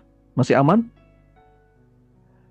Masya Allah aman, aman, ya? aman ya? Aman, aman, Baik. Aman. Kalau yang putus-putus berarti jaringan dari sana. Ya. Jadi teman-teman dirahmati Allah, berapa banyak yang kita tahu itu apa? Belum tentu manfaat. Kalau kita nggak punya tekad untuk mengamalkan. Bahkan jangan-jangan apa yang kita tahu itu malah bikin kita tinggi hati. Dengan kita punya ilmu, bikin kita memandang yang lain remeh. Ya memandang orang-orang yang belum tahu seakan-akan lebih rendah dari kita naudzubillah. Ya. Jadi berlindung sama Allah. Allahumma ini gimana tadi doanya? Allahumma ini a'udzubika min ilmin la yanfa wa min qalbin la yakhsha wa min nafsin la tasba wa min amalin la yurfa wa min du'ain la yusma ya so bukan pandai bukan pinter yang menghadirkan solusi, tapi solusi itu Allah yang kasih. Sehebat-hebatnya kita, begitu Allah tutup semua jalan keluar, nggak kelihatan udah. Ya, nggak kelihatan. Tapi begitu kita nyerah sama Allah, ya Allah, iya ya Allah, hamba nggak punya daya ya Allah, tiba-tiba Allah kasih itu jalan keluar dari arah yang tidak diduga. Nah ini sering kita bahas di kelas-kelas PPA ya, teman-teman dirahmati Allah. Baik. Yang terakhir uh, di sisa sisa waktu saya teman-teman dirahmati Allah, wasiat yang keempat. Coba-coba diulang, diulang wasiat pertama apa tadi? Wasiat pertama bukan banyak yang bikin cukup. Yang kedua, bukan hebat, bukan kuat, bukan mampu yang bisa bikin kita menang. Gak ada guna kekuatanmu, kehebatanmu, kemampuanmu ketika Allah nggak mau menolongmu. Ya, yang ketiga bukan karena kita pinter, bukan bukan pinter yang menghadirkan solusi, tapi solusi jalan keluar dari setiap persoalan itu datangnya dari Allah. Yang terakhir, wasiat keberkahan yang terakhir teman-teman, bukan kemewahan yang bikin kita bahagia. Bukan kemewahan yang bikin kita bahagia. Ini sengaja nih gambarnya saya pilih mobil mewah gitu ya. ya untuk apa namanya? untuk bahagia kan nggak perlu punya mobil mewah dulu ya. Kayak lama banget kasihan banget orang kalau kalau harus apa harus punya mobil mewah dulu baru bahagia. Itu kan kasihan banget ya. Bahkan sering kali kebahagiaan itu kita temukan dalam hal-hal yang sederhana. Dalam hal yang sederhana. Jadi ini penting banget kita ketahui ya. Iya makanya capek teman-teman dirahmati Allah. Biasanya apa kemewahan itu punya jebakan ya. Membuat kita terjebak dalam angan-angan. Kayaknya ya tadi apalagi nih oke hidup itu seakan-akan kompetisi kompetisi dalam urusan dunia ya. Kan ada yang bilang mas uh, hidup adalah sebuah kompetisi. Allah itu kan menghadirkan kita ke dunia ini untuk berlomba-lomba dalam kebaikan. Iya iya itu itu oke dalam konteks itu tapi uh, dalam dalam dalam kompetisi akhirat gitu ya. Kita lihat bagaimana Abu Bakar bagaimana Umar bin Khattab berkompetisi dalam amalnya kebaikan. Tapi sama sekali bukan tentang kompetisi dunia gitu ya. Orang-orang yang terjebak dalam kemewahan ini kan seakan-akan hidupnya itu untuk berlomba-lomba dalam urusan dunia, dalam status sosial, dalam harta, dalam anak, tempat tinggal, kendaraan. Wah, itu capek banget. Capek banget teman-teman dirahmati Allah. Makanya yang yang paling sedih lagi ketika mereka ngelakuin itu semua, berlomba-lomba itu semua, uh, hanya untuk mengesankan manusia supaya ketika ada pertemuan keluarga, oh dan apa mereka bisa bisa berbangga dengannya gitu naudzubillah. Ini ada yang bilang Mas boleh nggak minta materinya? Boleh nanti materinya saya share di grup ya. Insya Allah ada slide-nya. Nanti saya share di grup. Saya minta nanti uh, Kak Yawan dan tim panitia untuk share di grup. Insya Allah.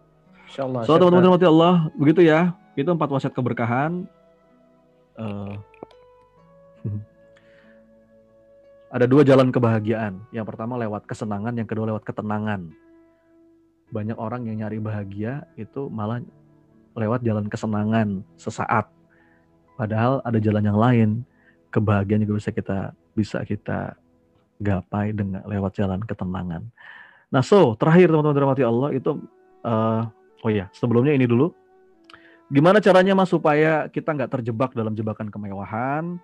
Para ulama ada apa Imam Hasan rahimahullah itu menyarankan supaya kita nggak terjebak tadi dia bilang ada satu apa uh, upaya kita untuk menjeda keinginan. Maksudnya apa? Kalau kita punya keinginan itu jangan langsung reaktif. Makanya kata Imam Hasan, semoga Allah merahmati hambanya yang berhenti di saat berkeinginan. Jadi setiap kali kita punya keinginan berhenti dulu, jeda dulu, Iya, bahkan sunnahnya kan istiqoroh dulu. Iya. Dia nanya ke hati, apa keinginan saya ini karena Allah apa bukan ya? Kalau keinginan itu karena Allah, dia lanjut. Tapi kalau bukan karena Allah, dia tinggalin. Ini tips sederhana, tips sederhana supaya kita nggak terjebak dalam jebakan keinginan, jebakan kemewahan tadi. Oke teman-teman terima kasih Allah. Terakhir, so kita sudah bahas empat wasiat keberkahan, ya. Kalau gitu Mas, apa yang harus kita lakuin supaya kita tetap berada dalam bingkai keberkahan? Ayo kita tapaki jalan keberkahan. Ngapain Mas jalan keberkahan? Ya udah fokus kita kan cuma mencari perhatian Allah. Fokus kita cuma caper sama Allah aja. Ya. Dan berkhidmat pada sesama. Gitu ya. Berkhidmat pada jadi hablum minallah hablum minan nas. Wa ma umiru illa liya'budullaha mukhlisin. Tugas kita hanya menghamba kepada Allah. Ya dan sebisa mungkin jadi pribadi yang bermanfaat bagi sesama. Semua itu tujuannya caper, untuk caper sama Allah, cari perhatian Allah. Makanya kalau kita pengen terbingkai dalam dengan keberkahan, ya, bahagia, itu ya beramal soleh. Berbuat baik. Kalau kita sedang sedih, kita sedang gundah, berbuat baiklah kepada sesama manusia. Dengan niat caper sama Allah. Ya. Dan amal yang paling dicintai Allah itu kan memasukkan rasa bahagia ke hati orang lain. Makanya teman-teman dirahmati Allah, saya mau ngajak nih, kita di sini banyak alumni PPA juga. Ya, alhamdulillah. Terima kasih responnya di kolom chat. Di di komunitas PPA ini teman-teman dirahmati Allah, kita punya gerakan rutin yang kita lakuin serentak bareng-bareng setiap hari Jumat. Ada yang tahu gerakan apa? Gerakan Jumat Berkah. Makanya sebagai penutup dari dari kajian saya, kita, karena kita ngomongin keberkahan, saya mau ngajak ayo teman-teman yang dirahmati Allah, aktif di gerakan Jumat Berkah. Insya Allah namanya juga gerakan Jumat Berkah ya. Mudah-mudahan ini jadi amal soleh yang Allah ridhoi dan jadi wasilah menarik keberkahan dalam setiap urusan hidup kita. Gitu loh. Dan setiap daerah macam. Makanya kita kita mau coba mulai Jumat besok teman-teman dirahmati Allah, mulai Jumat besok kita mau coba menjadikan gerakan ini serentak. Jadi sebenarnya begini, selama ini kita nggak nggak diatur aja dengan rapi. Tiap-tiap kota ngelakuin sendiri-sendiri. Jadi seakan-akan jadi gerakan lokal. Padahal ini kalau kita jadikan satu barisan yang yang rapi, itu jadi gerakan yang keren banget gitu ya. Jadi syiar kebaikan yang luar biasa. Ya. Nah ini ini lagi coba kita mau atur mulai Jumat besok. Bagaimana masing-masing daerah itu ayo kita gerak bareng-bareng dengan seragam yang sama. Walaupun apa namanya bentuk programnya beda-beda. Ada yang sedekah nasi bungkus ada yang sedekah sembako dan sebagainya. Tapi nggak apa-apa. Ayo kita ikutan. Ada yang ada yang nanya gimana cara ikutannya mas? Ini ada nomor teleponnya nih GJB Gerakan Jumat Berkah Nasional nggak apa-apa apa yang bisa kita kontribusi mas saya cuma bisa kontribusi apa misalkan uh, beras satu liter atau saya bisa nyumbang nasi satu kotak nggak apa-apa tapi kalau barang-barang kan jadi jadi insya Allah uh, berkah ya, berkah dalam berjamaah. Ya, ada saya mau ikutan gimana caranya Mas? Saya di uh, saya di kota ini. Nah, ada yang ada yang uh, sedekah 1.500 telur. Masya Allah luar biasa. Ya. Teman-teman cukup hubungi nomor ini aja nih. Di bawah ada nomor. Nanti akan diarahkan ke kotanya masing-masing. Ini admin, admin GJB, Gerakan Jumat Berkah Nasional. Uh, tinggal WA aja gitu ya terus bilang mas saya mau ikutan gerakan Jumat berkah. Iya, nanti dari kota mana akan diarahkan nanti sama sama admin ini ke admin di masing-masing kota. Misalkan saya dari Purwakarta, oke nanti sama adminnya akan diarahkan ke tim di Purwakarta. Mas saya di Medan, oke nanti akan diarahkan ke tim di Medan. Jadi bareng-bareng. Saya yakin kalau sendiri-sendiri teman-teman udah sering ngelakuin ya. Tapi beda rasanya kalau kita bareng-bareng berjamaah. Gitu. Saya mengajak ayo menerima Allah, kita ngomongin keberkahan, dan keberkahan itu dimulai dengan uh, ya ini gerakan kebaikan bareng-bareng ini. Mudah-mudahan istiqomah. Kalau Aceh, Aceh ada, Aceh banyak. Mulai dari Banda Aceh sampai Aceh Tamiang, itu banyak tim kita yang juga bergerak gitu ya. Silakan aja hubungi nomor yang ada di bawah ini, silakan dicatat ya. Nanti akan diarahkan. Tegal juga aktif, Tegal, Pemalang, Brebes juga itu timnya ada. Tangerang banyak ya. Tangerang banyak. Dan tiap kota biasanya punya program beda-beda Kemarin di Gresik, Mas, Jumat ini saya mau bagi 500 kotak nasi, ya, mungkin untuk jamaah sholat Jumat. Iya, mantap. Ada tadi bagi 1.500 butir telur, ada yang bagi sembako, macam-macam. Tiap daerah punya program yang beda-beda. Silakan sesuaikan aja. Tapi poinnya, ayo kita bareng-bareng gitu supaya jadi syiar kebaikan, jadi magnet orang. Oh, dan itu efeknya insya Allah teman-teman, insya Allah narik keberkahan dalam setiap urusan kita gitu ya. Ada yang bagi-bagi jas hujan, ada yang gerakan apa relawan banjir. It's okay. Apa pun itu programnya, yuk kita bareng-bareng. Ya, bagi yang mau nanya, silakan hubungi nomor ini. Ya, Insya Allah nanti kita ada 140 kota tersebar di seluruh Indonesia. Insya Allah, Insya Allah. Uh, mudah-mudahan di kota teman-teman juga ada tim kita, gitu ya. Dan bahkan untuk yang Jumat besok teman-teman yang dirahmati Allah, kita mau bikin ini menjadi titik awal gerakan berjamaah kita bahkan kita bikin dari hari Rabu dari hari Rabu Rabunya kita eh, apa namanya koordinasi dulu Kamisnya kita puasa bareng puasa bareng ya.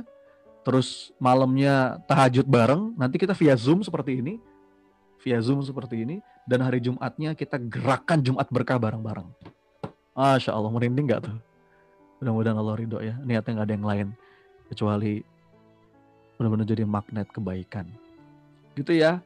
Tangerang rame, Bekasi banyak. Ya. Ada yang gerakan peduli guru. Masya Allah, Sumatera Barat juga banyak. Ya. Ya di Bukit Tinggi, ya di Padangnya, ya e, banyak Sumatera Barat. Di Solok gitu ya. Insya Allah. So teman-teman dirahmati Allah, e, bagi yang mau ikutan, yuk kontribusi kecil kita. Insya Allah kalau bareng-bareng, mudah-mudahan kita kebagian tuh Coba ingin aja, satu kota sedekah 500 nasi, kota ini 300 nasi. Ini kalau kita rupiahkan mungkin ratusan juta tiap pekan, bahkan miliaran itu bisa kita uh, kontribusikan. Barakallah. Timika Papua juga ada tuh Bu Eka. Ayo, ya Aceh Tamiang. Insya Allah ya teman-teman ya. Jakarta ada, Tangsel, Jaksel banyak ya. Muara Enim tuh, Binjai, Medan. Oke ya, teman-teman ya. Bismillah, mudah-mudahan ada manfaatnya malam hari ini. Uh, saya kembalikan ke Kak Ayawan. Mohon maaf lahir batin. Assalamualaikum warahmatullahi wabarakatuh. Waalaikumsalam warahmatullahi wabarakatuh. Masya Allah, tabarakallah ya. Aduh, gimana uh, Bapak Ibu dan sahabat-sahabat sekalian kasih satu kata dong untuk uh, malam ini. Uh, apa yang disampaikan oleh guru kita semuanya saat Sony tentang empat wasiat keberkahan yang bagi Al-Fakir sendiri sebenarnya sudah beberapa kali dengar langsung dari Ustaz Sony tapi selalu dapat saja hal-hal yang uh, kalau bahasanya pemahaman-pemahaman yang baru lagi, masya Allah. Inilah keberkahan dalam pengulangan, inilah keberkahan ketika kita terus mau belajar merendahkan hati, masya Allah. Buat ini banyak banget tuh tadi yang komentar ya Allah ya Rob malah dapat oh masya Allah. Dahsyat. Ini banyak banget nih yang sudah pada komen nih dengan uh, Masya Allah makin malu sama Allah. Ya Allah ya Rob. Insya Allah. Aduh berkah berkah-berkah bisa ngerasain uh, Bapak Ibu dan teman-teman sekalian. Bahkan uh, rasa itu terkadang tidak bisa diwakili oleh kata-kata kita, tapi seperti kata guru kita Ustaz ini bahwa banyak hal yang terkadang tidak terucapkan oleh lisan, tapi bisa dirasa oleh kita, Masya Allah. Dan mungkin itu yang bisa mewakili kira-kira yang disampaikan oleh Ustaz guru kita semuanya, terkait dengan keberkahan malam ini, Masya Allah. Mudah-mudahan nih Bapak Ibu semuanya, yuk kita amalkan ya, kita praktekkan ya, tentunya mengubah uh, mindset, kemudian cara hidup kita, tentunya dengan mengingat pesan-pesan keberkahan, wasiat keberkahan yang disampaikan oleh guru kita Ustadz Sonia Bikin. Dan di ujungnya adalah bagaimana kita bisa uh, menghujamkan kebahagiaan di hati-hati saudara kita, Masya Allah. Yang Insya Allah lewat program Gerakan Jumat Berkah ini, Masya Allah, Barakallah ya. Insya Allah bareng-bareng kita mulai besok pembukanya sampai uh, puncaknya itu adalah uh, hari Jumat, masya Allah ya. Ini berkah untuk kita semuanya. Uh,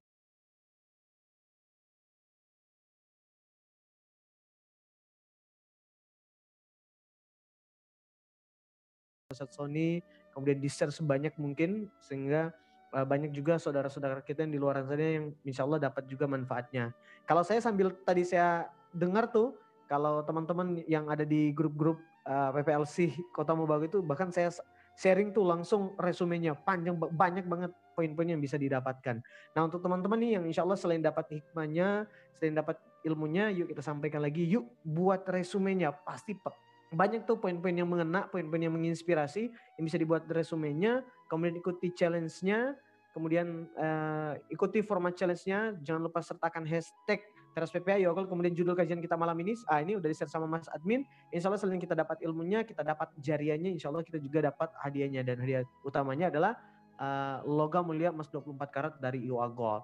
Seperti dari teman-teman kita yang malam ini itu juga berkesempatan untuk mendapatkan beberapa door prize dari IOA Gold hasil dari uh, pemilihan pemenang resume kajian teras PPA sebelumnya bersama Ustadz Sony dan juga Ustadz Fajri Muslim yaitu uh, terkait dengan menemukan rasa dalam sholat. Oleh karenanya, yuk Mas Admin kita sebelum ada sesi sedikit, eh nah satu dua penanya mungkin satu penanya ya karena juga waktu sudah sangat-sangat terbatas.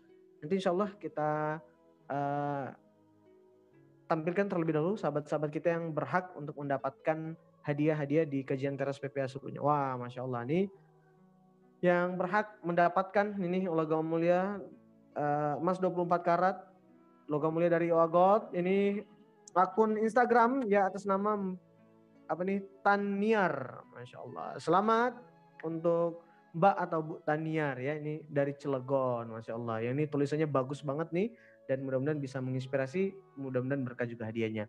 Pemenang yang kedua ini akun Instagram juga atas nama Mbak Pak Andika Prasetyo 1998 ya berhak mendapatkan uh, madu kesehatan ya uh, dari Bilai Verbal Bislim gitu ya. Baik, uh, selamat buat para pemenang dan sekali lagi buat sahabat-sahabat sekalian, yuk uh, buat resumenya, insya Allah dapat ilmunya, insya Allah kita juga bisa berkesempatan untuk mendapatkan hadiahnya dan tentu masih banyak lagi hadiah yang kita siapkan gitu ya.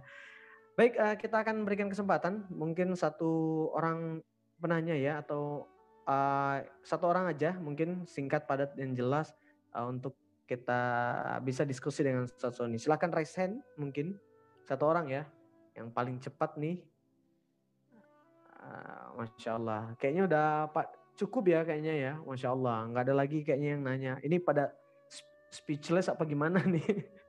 Masya Allah ya. Oh ada nih. Ada yang rese nih. Mas Reza R. Cahyadi. Langsung kita berikan kesempatan ya. Langsung uh, singkat pada jelas kepada Ustaz Sony. Bismillah. Di Bismillahirrahmanirrahim. Assalamualaikum warahmatullahi wabarakatuh. Waalaikumsalam. Waalaikumsalam warahmatullahi wabarakatuh. Alhamdulillah, Alhamdulillah ya Allah. Ustaz Sony, makasih banyak atas ilmunya malam ini, Masya Allah. Berkali-kali ikut kelas Mas Sony, Masya Allah, walaupun online, terasa terus nih getarannya, Masya Allah. Ustaz, mohon maaf, izin saya pengen nanya ini. Beberapa ini memang kayak ganjel terus. Semua yang diucapkan tadi sepanjang penyampaian pengalaman hidup saya pribadi pengalaman hidup saya di mana saya memang 10 tahun kerja di tempat yang tidak diberkahi Allah sampai akhirnya Allah punya cara yang indah buat mengeluarkan saya dari tempat itu. Hmm, kadang saya kayak ngerasa nggak pantas gitu loh dengan apa yang udah saya dapat sekarang. Kayak Allah tuh kok sebaik itu ya, secepat itu membalikkan yang tadinya saya, ya Allah. Intinya saya cuman jadi kayak ini bener apa saya udah sebaik ini? Gitu. Kadang ada keraguan dalam hati. Walaupun mungkin dari sisi materi jauh di atas kertas bahwa saya itu jauh di bawah dibandingkan kemarin saya kerja di sana gitu loh. Tapi kenapa hati ini selalu cukup bahkan selalu ngerasa kaya dan bahkan hati itu penuh Ustaz? Saking penuhnya tuh kayak ya kayak gini kayak gampang-gampang lebar keluar gitu loh. Nah tapi yang saya yang saya lagi rasain ini akhir-akhir ini adalah ketika memang benar ketika kita diuji kesusahan banyak yang lulus. Mungkin termasuk saya pun kayak enak deket stay connected terus gitu loh.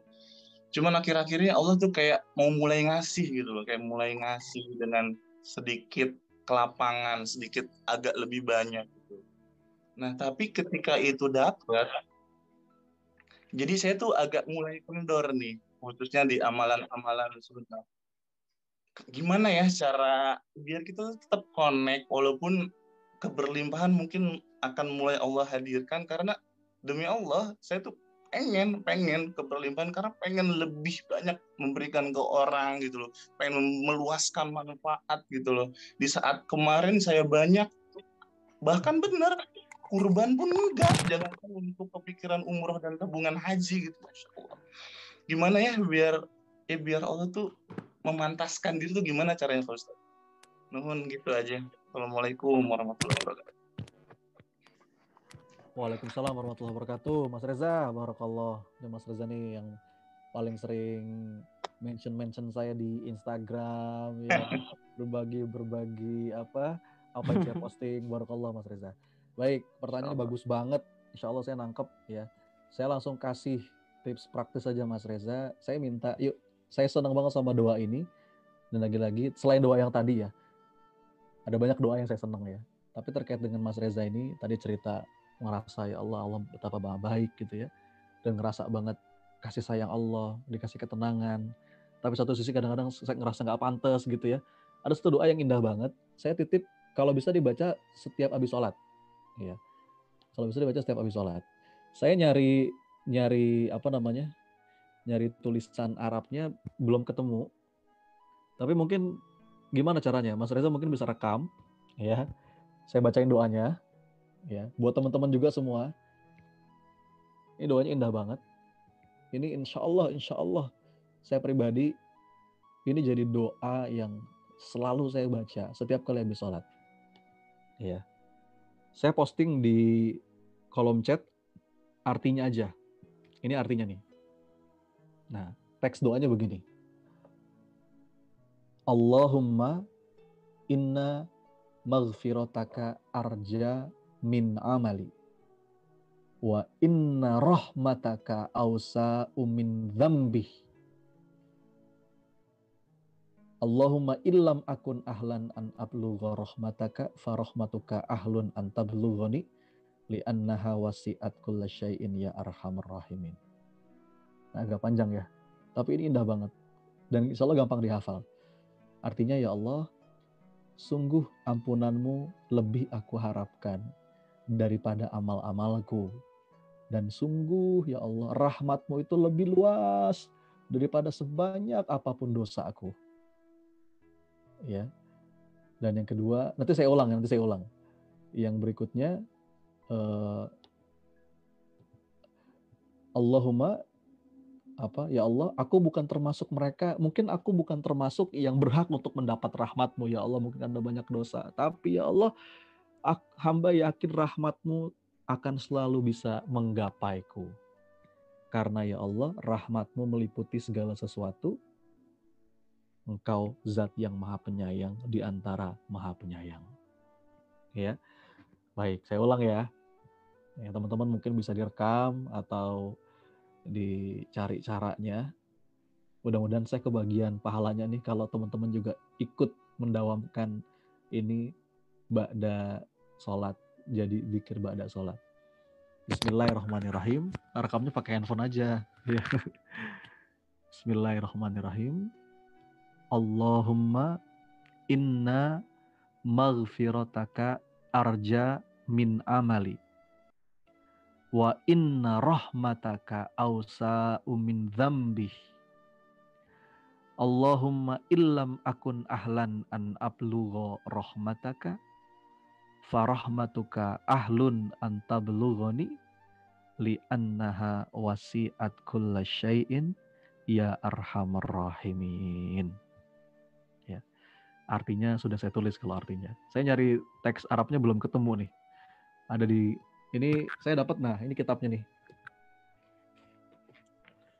Saya dapat doa itu dari kitabnya uh, Imam Nawawi, Syekh Nawawi Al-Bantani. Judulnya Nasoihul Ibad, ini kitabnya nih. Saya dapat dari sini, indah banget doanya. Jadi ya itu, bakal nganterin kita ke humble confidence tadi. Ya Allah, yang aku harapkan itu ampunanmu ampunanmu lebih aku harapkan dibandingkan amal-amalku. Kalau ngandelin amal, amal mana? Tadi kan Mas Reza bilang, aduh Mas, saya ini masih masih kayaknya kapan tes. Ya, itu rasa itu bagus, tapi jangan sampai rasa itu bikin kita kayak seakan-akan putus asa gitu ya. Karena rahmat Allah lebih luas dari sebanyak apa pun dosa-dosa kita. Inna rahmataka ausa umin dambi.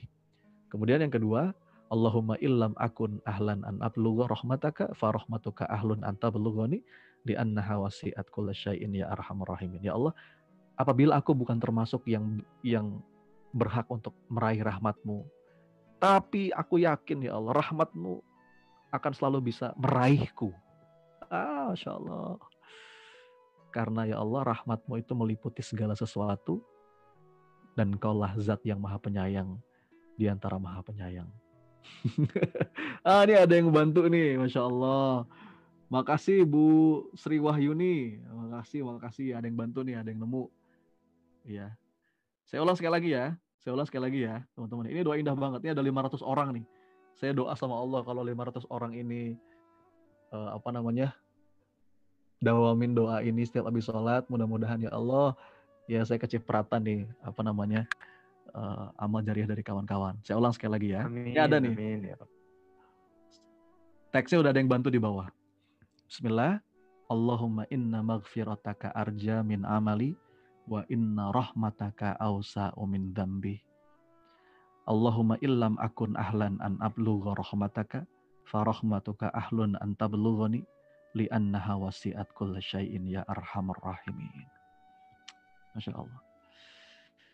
Dalam dalam sebuah riwayat teman-teman uh, kalau nggak salah yang pernah saya baca barang siapa yang mendawamkan doa ini setiap habis sholat itu nanti ketika dihisap itu Allah nggak ngelihat amal-amal buruk kita katanya.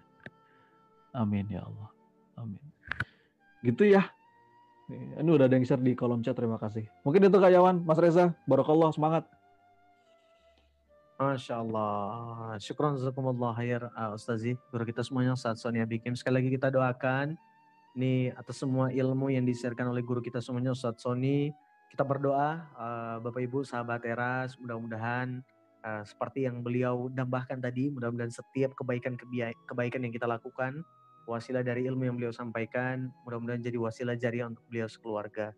kita doakan juga Ustaz Sony Allah selalu jagain Allah selalu sehatin sekeluarga bersama dengan guru-guru kita yang lain sehingga dalam menapaki jalan peradaban IOA menuju visi-visi peradaban ini mudah-mudahan bisa berkah umurnya dalam menemani kita sepanjang perjalanan ini karena tentu kita masih sangat membutuhkan guru-guru seperti Ustadz Sony, Ustadz Randy, dan guru-guru semuanya yang lain yang nggak bisa sebutin satu persatu. Bahkan ada beberapa juga yang hadir menyimak malam ini kayak Ustadz Muklis, ini tadi anda lihat juga menyimak luar biasa, ada Kak Suhe dan guru-guru yang lain. Masya Allah, tabarakallah ya. Uh, sekali lagi kita doakan guru-guru kita semua Allah selalu sehatkan, jagain dan juga bisa dampingin kita terus untuk uh, bisa selalu dalam jalan kebaikan. Syukron zakallah khair Ustazi saat Sony atas semua ilmunya. Terima kasih Kak Yawan, berkah juga buat antum uh, insya Allah. Masya Allah, amin. Dan buat teman-teman semuanya yang sudah pada hadir nih, sekali lagi jangan pernah kita apa egois dengan hidayah.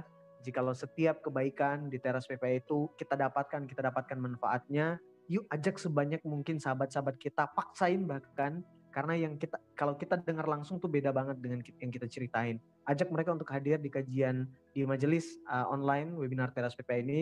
Mudah-mudahan ini bisa jadi wasilah hidayah, pemahaman dan bahkan taufiknya Allah Subhanahu wa taala untuk semuanya. Min ya alamin.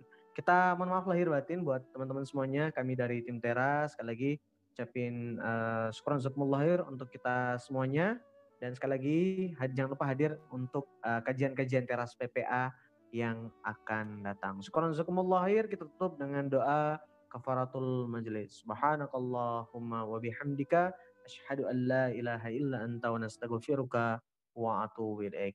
Baik, syukuran jazakumullah khair sekali lagi untuk semuanya sampai lu jumpa di Gerakan Jumat Berkah Nasional 1202.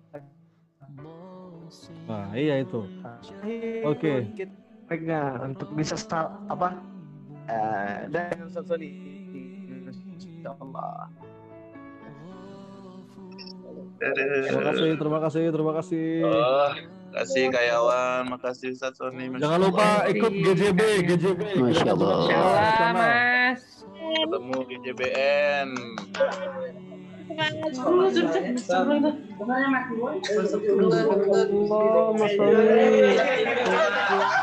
Jazakallah